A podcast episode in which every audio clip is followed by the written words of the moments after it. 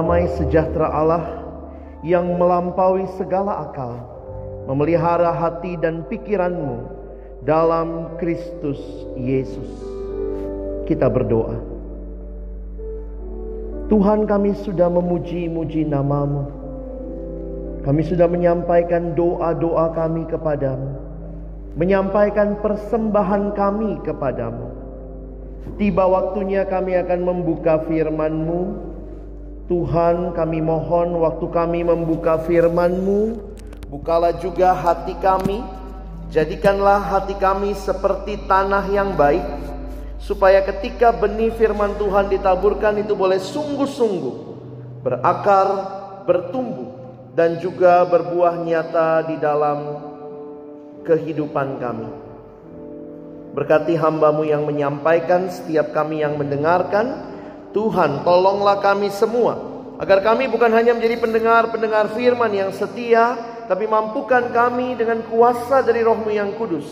Kami dimampukan menjadi pelaku-pelaku firman-Mu di dalam kehidupan kami. Bersabdalah ya Tuhan kami umatmu sedia mendengarnya di dalam satu nama yang kudus, nama yang berkuasa. Nama Tuhan kami Yesus Kristus. Kami menyerahkan pemberitaan firman. Amin. Shalom.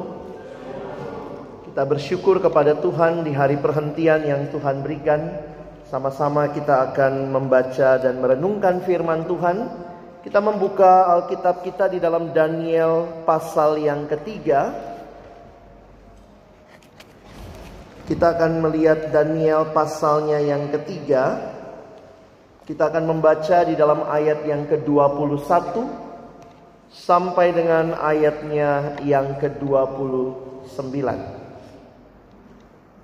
Daniel pasal yang ketiga ayat 21 sampai dengan ayat yang ke-29. Mari kita membaca bergantian bagian ini. Saya akan mulai membaca ayat yang ke-21.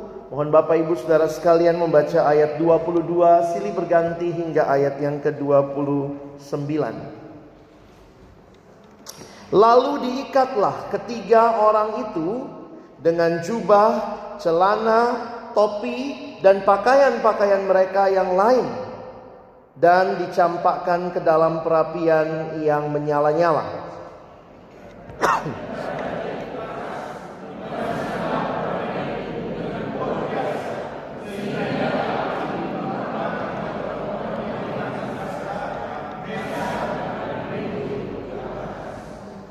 Tetapi ketiga orang itu, yakni Sadrak, Mesak, dan Abednego, jatuh ke dalam perapian yang menyala-nyala itu dengan terikat.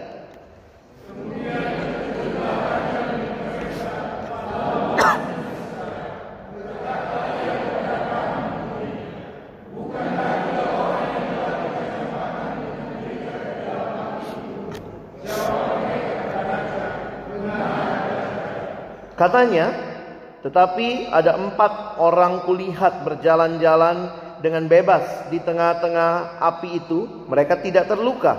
Dan yang keempat itu rupanya seperti anak dewa.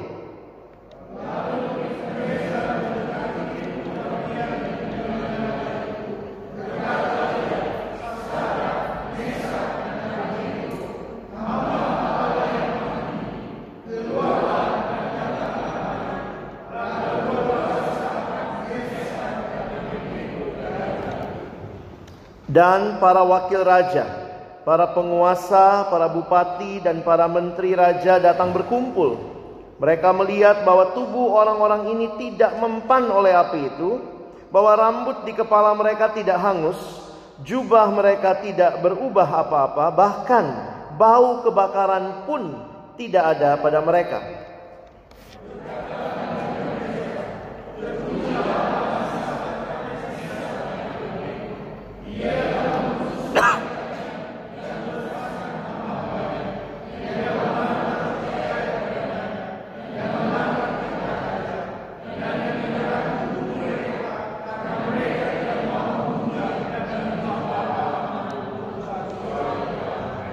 Sebab itu aku mengeluarkan perintah bahwa setiap orang dari bangsa, suku, bangsa, dan bahasa mana pun ia yang mengucapkan penghinaan terhadap Allahnya Sadrak, Mesak, dan Abednego akan dipenggal-penggal dan rumahnya akan dirobohkan menjadi timbunan puing karena tidak ada Allah lain yang dapat melepaskan secara demikian itu.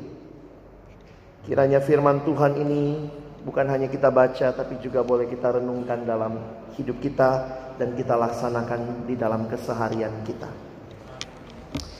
Penyertaan Allah bagi orang setia.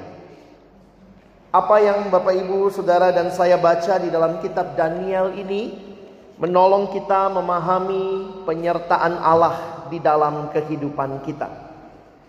Saudara yang dikasihi Tuhan, kalau kita melihat konteks dalam bacaan Daniel pasal yang ketiga, kita melihat bagaimana pada waktu itu tiga orang teman Daniel. Jadi kalau kita perhatikan Danielnya tidak ikut. Ada yang bertanya, loh Daniel ada di mana? Beberapa penafsir Alkitab mengatakan kemungkinan besar Daniel lagi bertugas di bagian lain dari kerajaan Babel. Kalau kita perhatikan pada waktu itu tiga temannya ini gampang diingat. SMA. Sadrak, Mesak, Abednego. Apa yang mereka lakukan? Pada masa itu Raja Nebukadnezar mendirikan sebuah patung yang dia minta, patung dirinya yang diminta untuk disembah. Dan kalau kita ingat, dengan patung yang begitu megah dengan bersalutkan emas begitu rupa tingginya saja saudara dalam perhitungan kira-kira 27 meter dengan lebarnya itu kira-kira 3 meter ya kalau kita perhatikan dibuatlah tebalnya maksudnya 3 meter begitu dibuat begitu tinggi dan patung itu harus disembah. Setiap kali mereka mendengar bunyi-bunyian. Tetapi orang Yahudi tidak menyembah manusia, tidak menyembah dewa, sehingga tiga orang ini Sadrak, Mesak dan Abednego menolak untuk menyembah. Dan pada waktu itu hukumannya adalah masuk ke dalam perapian yang bernyala-nyala. Saya pikir kita sudah sering dengar kisah ini dari sekolah minggu. Betul ya? Tapi mari kita melihat apa yang menjadi bagian penting mengerti tentang penyertaan Allah. Yang pertama yang saya ingin kita perhatikan bersama bahwa hidup orang-orang yang taat, hidup orang-orang yang setia bukanlah hidup yang tanpa pergumulan. Atau dengan bahasa lain kalau kita pakai bahasa tema sore hari ini, disertai Allah bukan berarti hidup tanpa pergumulan. Saudara kadang-kadang sulit untuk memahami ini. Banyak orang merasa saya mau disertai Tuhan. Kalau Tuhan menyertai saya, please jangan ada pergumulan di dalam kehidupan. Saya pikir tidak demikian. Daniel dan tiga temannya ini dibawa ke pembuangan di Babel. Saudara, dari Yerusalem ke Babel itu kurang lebih seribu mil. Itu jauh dari tanah di mana mereka seharusnya ada. Mereka ada di tanah asing, tetapi di situ pun mereka menyadari Allah mereka, Allah yang tetap menyertai mereka. Apa yang menarik kalau kita perhatikan di zaman itu konsep Allah itu Allahnya lokal dan teritorial. Jadi kalau di Kanaan Allah yang berkuasa Allah Kanaan.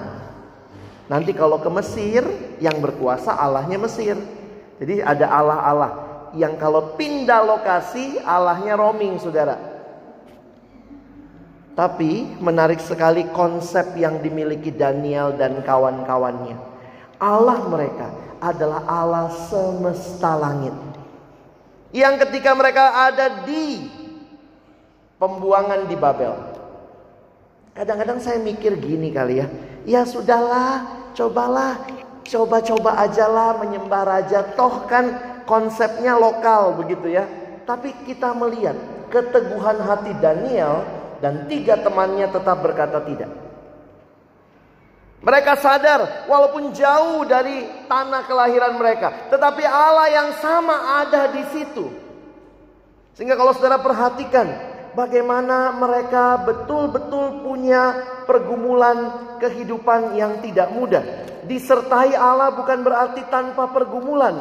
Sekali lagi, dia bersama dengan teman-temannya, Daniel dan teman-temannya mengalami satu kehidupan yang diuji Saudara, kadang-kadang kita maunya hidup yang empang ya, enak dan gampang. Saya banyak ketemu anak sekolah, anak SMA, kalau ditanya gitu ya, saya tanya misalnya, kamu nanti mau kuliah apa? Itu kak masih bingung. Terus saya tanya loh, mau jadi apa dulu? Karena mesti tanyanya begitu ya. Mau jadi apa, makanya nanti kuliahnya apa? Kalau mau jadi sarjana hukum ya kuliahnya hukum, jangan kedokteran. Terus kemudian dia bilang, iya kak, tapi gitu ya kak, gimana caranya? Ada nggak pekerjaan yang kerjanya sedikit, gajinya banyak, uangnya banyak? Jadi kadang-kadang orang berpikirnya itu selalu mau hidup yang empang, enak dan gampang. Saya bilang saya aja nggak tahu deh, jadi rampok kalau mau. Ada lagi yang bilang begini ya, karena sekarang di mana-mana itu pakai prinsip ekonomi. Bagaimana caranya kak? Saya belajar sesedikit-sedikitnya nilai setinggi-tingginya. Dalam kerohanian pun banyak orang yang mau kerohanian yang instan.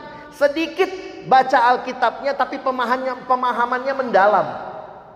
Coba kalau jadi Tuhan bingung juga nolongnya ya.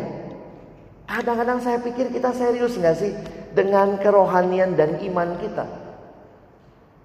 Sampai pakai cara lama. Katanya kak direbus aja airnya diminum. Saudara, kadang-kadang kita lupa bahwa di dalam hidup mengikut Tuhan, hidup beriman kita disertai Allah bukan tanpa pergumulan.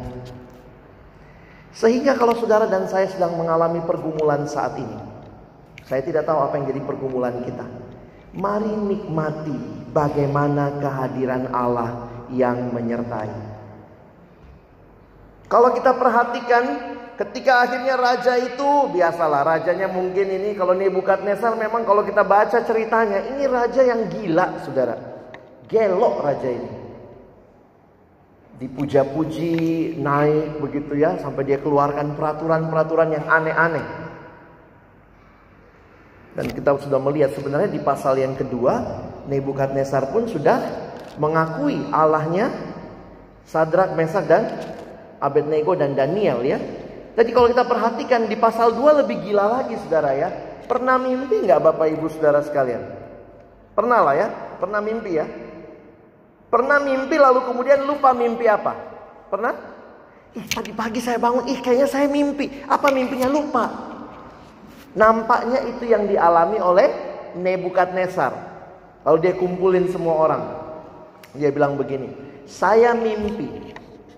Tolong kamu semua orang pintar kasih tahu apa arti mimpinya.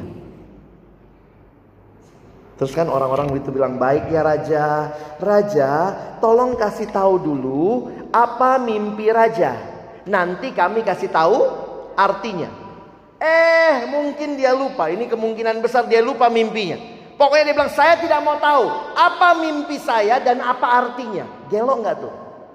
Kasih tahu saya mimpi apa, lalu artinya apa. Nanti baca pasal 2. Sebenarnya Alkitab itu banyak komedinya gitu ya. Ini raja gila banget gitu. Kayak bos kita di kantor kadang-kadang. Gak masuk akal yang diminta. Udah gitu kalau salah pasti salah anak buah. Bapak buah gak pernah salah.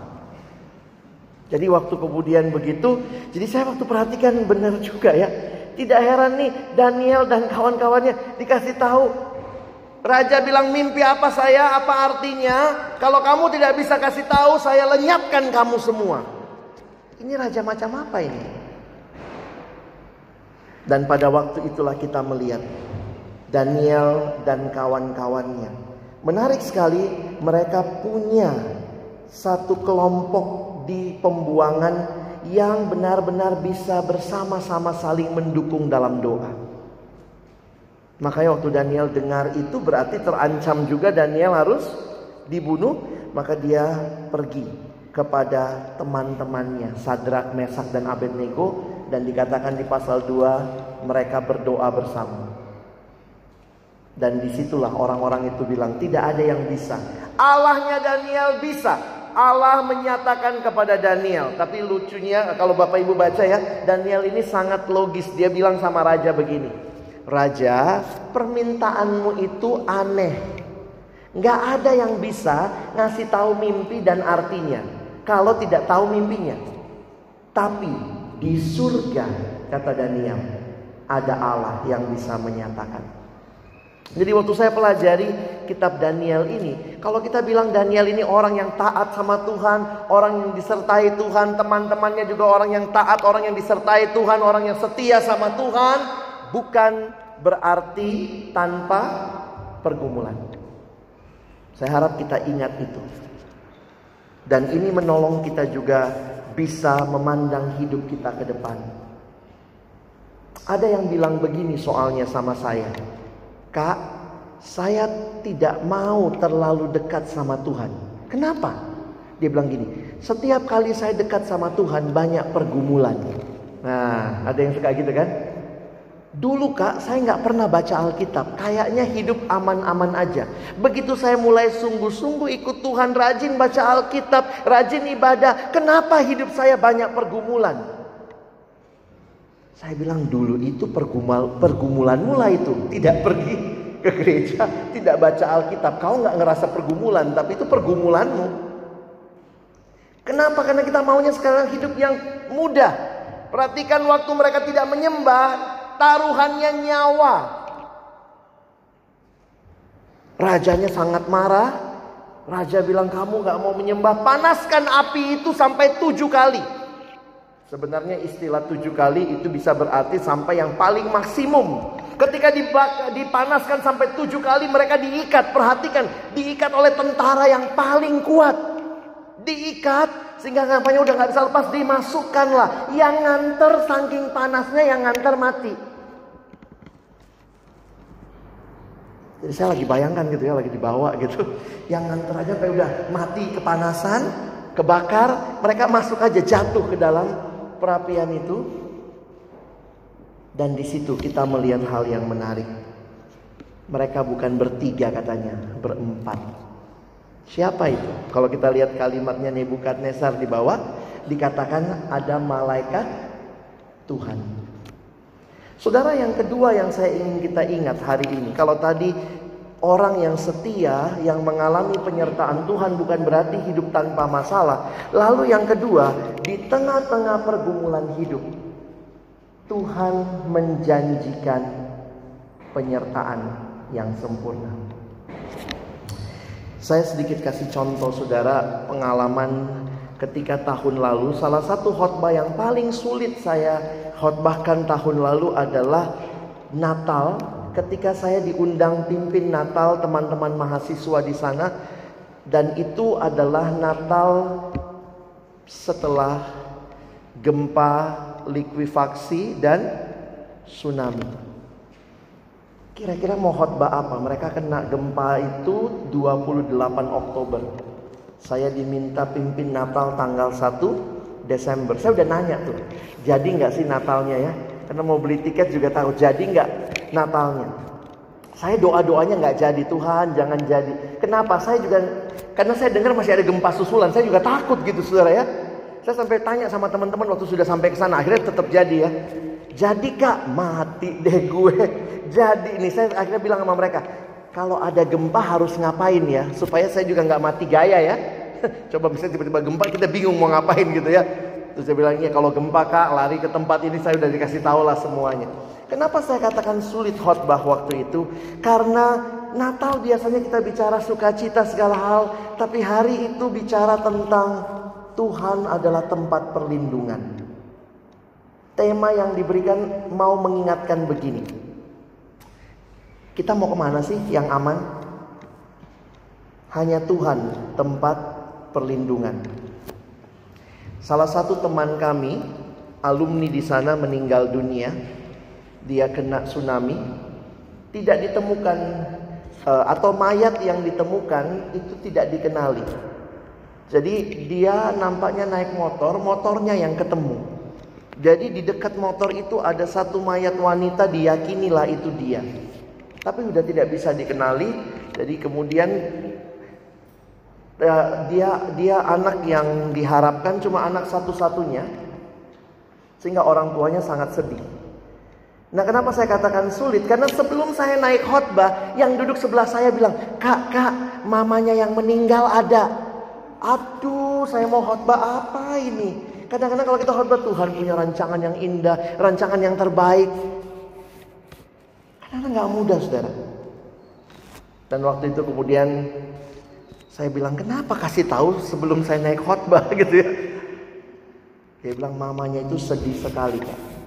Mamanya sampai sekarang masih belum bisa terima kematian anaknya. Jadi sudah dua bulan berlalu, mamanya itu masih sering miss call HP anaknya berharap diangkat.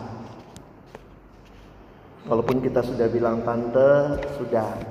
Tapi setiap kali bengong, duduk sendiri, miss call lagi. Jadi akhirnya beberapa teman waktu itu rencana memberikan modal supaya buka warung ada yang dikerjakan. Karena kalau tidak di rumah, selalu nanti dia miss call lagi HP-nya.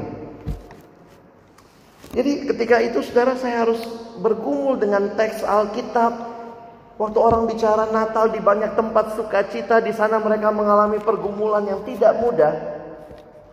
Akhirnya saya menemukan satu keyakinan setelah membaca merenungkan firman, saya simpulkannya begini. Di Alkitab kalau Bapak Ibu cari, Tuhan tidak pernah berjanji memberikan penjelasan yang tuntas untuk semua permasalahan dan pergumulan hidup kita.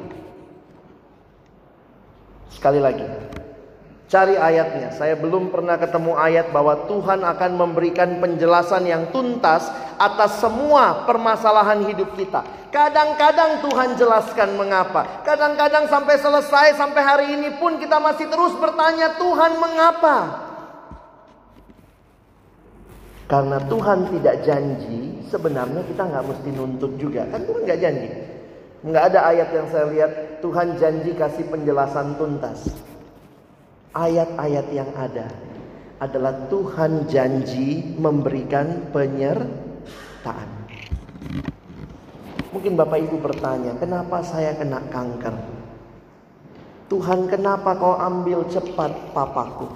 Tuhan kenapa kau ambil mamaku? Tuhan kenapa ini jalan hidup yang saya harusnya lewati? Kalau begini saya sudah sukses sekarang, kenapa Tuhan? Mungkin kita bertanya, Tuhan mengapa? Tuhan mengapa? Saya pikir sebagai manusia, biarlah kita dapat ketenangan bukan karena dapat jawabannya saja. Kadang-kadang Tuhan kasih jawabannya. Kenapa? Kadang Tuhan tidak beri penjelasan. Tapi Tuhan mau katakan, aku tidak pernah meninggalkan kamu. Di tengah-tengah api itu, di tengah-tengah dapur perapian yang bernyala-nyala itu, malaikat Tuhan hadir terlihat berempat gitu ya, begitu nyata. Seringkali kalau kita tidak punya pergumulan, kayaknya Tuhan juga nggak nyata-nyata amat ya. Kalau ada pergumulan Tuhan kayaknya lebih real, lebih nyata ya. Sehingga saya pikir, kapan tiga teman Daniel melihat malaikat itu waktu punya pergumulan? Kadang-kadang Tuhan izinkan itu. Dan Tuhan mau mengatakan, no, I will never leave you alone. Saudara nggak mudah. Kadang-kadang kita merasa kita lebih pintar kalau kita jadi Tuhan. Tuhan kayaknya kurang bagus jadi Tuhan ya. Tuhan coba saya yang jadi Tuhan begini ceritanya. Kan lebih bagus Tuhan.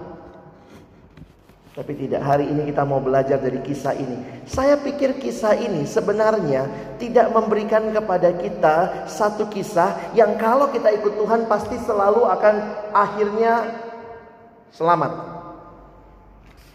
Karena saya pikir kita harus baca kisah ini dengan kalimat di atas. Ada kalimat di ayat sebelumnya, teman-teman Daniel bilang begini sama Nebukadnezar. Sebenarnya bahasa aslinya kalimatnya begini. Allah yang kami sembah sanggup menyelamatkan kami dari api ini. Tapi kalaupun tidak, nah kalimatnya bukan berarti mereka meragukan Allah. Tapi kalaupun kami tidak diselamatkan dari api ini, kira-kira dia mau berkata apa? Kami pun tetap tidak akan menyembah dewa Tuanku. Maksudnya apa? Bagi kami, hidup mati kami bersama Tuhan itu lebih penting. Banyak orang suka mikir yang penting saya hidup. Oh tidak. Yang paling penting dalam hidup bukan mencapai apa, bukan mendapat apa, tapi hidup bersama siapa. Kalau kita dapat semua yang kita mau, tapi kita di luar Tuhan, bukan itu hidup yang indah. Hidup yang indah adalah ketika kita bersama Tuhan, bahkan di tengah-tengah badai kehidupan yang paling sulit sekalipun. Saudara yang dikasihi Tuhan, bagi kita yang setia, Tuhan janji menyertai. Kadang-kadang kita mengalami pergumulan gak mudah.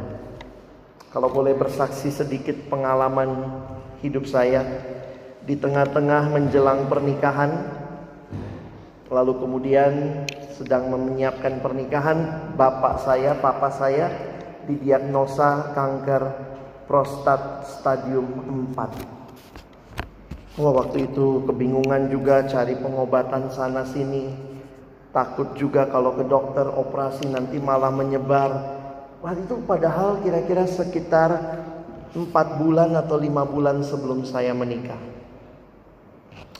pasangan saya, sekarang istri saya waktu itu dia bilang gimana kita tunda saja pernikahannya, fokus dulu pengobatan papa. Tapi saya bilang wah doa saya sih Tuhan saya mau papa saya ada pas saya menikah. Tapi gimana kalau tunda lagi siapa tahu Tuhan panggil kalau sekarang juga. Jadi saya bilang nggak ada yang pasti ya sudah kita terus aja. Saudara memang itu ya jadi pergumulan, saya berdoa dan dalam doa itu saya terus bertanya Tuhan, saya sampai sempat hitung-hitungan sama Tuhan. Tuhan, saya sudah tinggalkan cita-cita saya, saya sudah menyerahkan diri jadi hambamu. Tuhan, saya cuma minta papa saya ada waktu saya menikah. Dalam pergumulan terus gitu ya sampai memang kalau lagi bergumul saudara, makanya doa sama puasa itu satu ini ya, satu bagian yang tak terpisahkan. Saya ingat waktu itu saya bisa berdoa bisa sampai satu jam begitu ya dan itu nggak nggak ingat makan dan memang akhirnya saya agak kurus waktu itu. Jadi waktu fitting baju pernikahan celana saya longgar sampai orangnya bilang e, diet kak e, diet dari mana ya bukannya diet gitu tapi lagi ada pergumulan dan akhirnya pada masa itu saya ingat sekali waktu saya bergumul dengan Tuhan, Tuhan memberikan jawaban melalui perenungan begitu ya, tidak ada tiba-tiba saya dapat tanda ajaib, tapi waktu saya sedang berdoa, Tuhan seolah-olah mengingatkan, papamu milikku. Kalau saya mau dia tetap ada, dia tetap ada. Kalau saya bilang pulang, pulang. Jadi pergumulan utamanya bukan masalah apa yang kamu mau, tapi apa yang saya mau belajar percaya kepadaku. Dan Tuhan memberikan apa yang terjadi sampai hari ini papa saya masih ada. Tuhan sembuhkan dengan cara Tuhan melalui dokter, melalui obat-obatan. Dan saya melihat satu sisi saya jadi berpikir begini. Hari itu ketika saya dapat jawaban itu. Bukan masalah papa saya ada atau tidak ada. Yang paling penting apakah Tuhan ada di dalam pergumulan hidup saya. Dan waktu saya dapat jawaban itu, saudara saya langsung makan lagi gitu ya. Jadi dapat kekuatan lagi, makan lagi, akhirnya ya gendut lagi begitu ya. Tapi yang paling apa yang paling saya nikmati adalah Tuhan mau menyatakan, aku tidak meninggalkanmu. Saya tidak tahu apa yang jadi pergumulan Bapak Ibu sekalian. Kadang-kadang jawabannya Tuhan lepaskan dari dapur perapian. Seperti Daniel, teman-teman Daniel Mungkin juga Tuhan izinkan kita mati di dapur perapian. Tapi poinnya bukan sekedar ada di mana, tapi sedang bersama dengan siapa. Hari ini kita belajar kembali di dalam kisah Alkitab bahwa Tuhan tidak meninggalkan kita. Mari fokus kepada Dia. Kita sedang memperingati kenaikan Yesus. Ada hal yang menarik dari kenaikan Yesus. Ketika dia naik, Roh Kudus turun. Immanuel, waktu Yesus lahir, dikatakan dialah Immanuel. Allah menyertai kita. Tapi selama dia ada di dunia, Immanuel itu belum terlaksana secara sempurna. Kenapa? Karena Yesus secara fisik hanya bisa hadir di satu tempat. Dia hanya ada di Palestina. Karena itu Yesus berkata, "Aku harus kembali kepada Bapa." Waktu dia naik ke surga menandakan tugasnya sudah selesai, maka Roh Kudus diberikan bagi orang percaya, menyertai kita di mana saja. Immanuel, Allah beserta kita. Ada Roh Kudus yang hadir. Minggu depan kita peringati Pentakosta, Roh Kudus hadir menyertai kita selama-lamanya.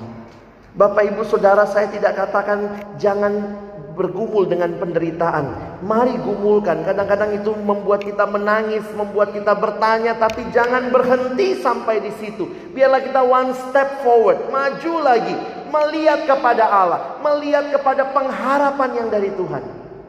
Sehingga kita tahu begini, Tuhan yang kau lakukan, meskipun aku belum mengerti tuntas, tetap itu hal yang terbaik. Saya ingat kalau anak kecil disuruh minum obat, obat-obat itu biasanya pahit. Nah dulu itu biar obatnya cepat itu biasa dikasih puyer ya. Aduh, saya sudah lihat kalau pergi ke dokter masih kecil sakit terus kalau obatnya sudah puyer, aduh, pengen dia rasanya pukul dokternya. Ini ya dia kasih obat campur-campur. Lalu kalau saya ingat saya kalau diminumkan puyer sama mama saya dibalik begitu sampai harus nelen Kadang-kadang anak waktu mengalami itu bilangnya apa? Mama jahat. Dokter jahat. Padahal sebenarnya Tuhan sedang mengerjakan sesuatu yang baik. Yang kadang-kadang kita belum bisa lihat pada waktu itu. Mari fokus sama Tuhan. Bukan sekedar sama masalah hidup kita. Saudara saya bisa main sulap. Dalam hitungan ketiga, saya akan buat semua saudara hilang. Siap ya? Dalam hitungan ketiga saya buat semua saudara menghilang. Yang datang sama suami, istri, kakak, adik pegang tangannya. Dalam hitungan ketiga, saya akan buat saudara hilang ya. Siap? Ini pendeta atau pesulap, pokoknya siap-siap aja. Satu, dua, Tiga, semua saudara hilang. Ini sulap receh, sulap anak-anak, tapi kebenarannya penting. Kalau dalam hidup kita fokus sama masalah hidup kita yang besar, jangan heran kita bertanya, "Di mana Tuhan? Di mana Tuhan?" Tapi kalau dalam hidup kita fokus kepada Tuhan yang besar, ada masalah? Ada, jangan bilang nggak ada, tapi kecil. Bapak Ibu mau pulang dengan perspektif apa? Masalahmu sangat besar atau Tuhanmu terlebih besar? Penyertaan Tuhan hanya mengingatkan kita kembali. Aku hadir dan aku lebih besar dari masalahmu. Tidak heran di akhir dari cerita ini apa yang terjadi? Raja Nebukadnezar pun bilang, siapa yang tidak atau ngapa-ngapain Allahnya Sadrak Mesak Abednego dicabik-cabik gitu ya. Dipotong-potong. Saya waktu berenungkan kata itu gila juga ya. Memang ada yang berkata, apakah Nebukadnezar jadi percaya sama Allah Yahweh? Nampaknya sih tidak. Karena pasal 4 dia gelok lagi tuh. Nebukadnezar nampaknya tidak percaya sama Yahweh. Tapi paling tidak peristiwa teman-teman Daniel SMA disertai Tuhan membawa kemuliaan bagi Allah. Saya berharap saudara ketika engkau menikmati penyertaan Tuhan, engkau akan membawa kemuliaan juga bagi Allah. Kiranya Tuhan menolong kita menikmati penyertaannya melewati pergumulan-pergumulan hidup kita. Ayat yang akan kita hafal hari ini di dalam Ulangan 31 ayat yang ke-8. Mari kita hafal ayat ini tapi nanti jangan cuma hafal, nikmati apa yang menjadi kebenaran di dalam ayat ini. Mari Bapak Ibu Saudara sekalian, sudah ada juga terpampang di layar kita akan baca ulangan 31 ayat yang ke-8 bersama-sama. Satu dua ya. Sebab Tuhan dia sendiri akan berjalan di depanmu. Dia sendiri akan menyertai engkau. Dia tidak akan membiarkan engkau dan tidak akan meninggalkan engkau. Janganlah takut dan janganlah patah hati. Sekali lagi saya baca. Bapak Ibu kalau mau coba pejamkan mata, nikmati setiap kata-kata yang Tuhan janjikan bagi kita. Dia tidak janji masalah kita tuntas. Kita mengerti dengan tuntas. Tapi dengarlah janji Tuhan. Sebab Tuhan dia sendiri akan berjalan di depanmu. Dia sendiri akan menyertai engkau. Dia tidak akan membiarkan engkau dan tidak akan meninggalkan engkau. Janganlah takut dan janganlah patah hati. Kita berdoa. Terima kasih untuk kehadiranmu ya Tuhan. Di tengah-tengah hidup pergumulan, permasalahan yang kami hadapi. Satu hal yang pasti, Engkau berjalan bersama kami. Tuhan teguhkan setiap kami. Menyadari kehadiranmu. Kami mau fokus kepadamu, bukan kepada masalah hidup kami. Terima kasih banyak ya Tuhan. Dalam nama Tuhan Yesus Kristus yang mengasihi kami, kami berdoa, kami bersyukur. Amin.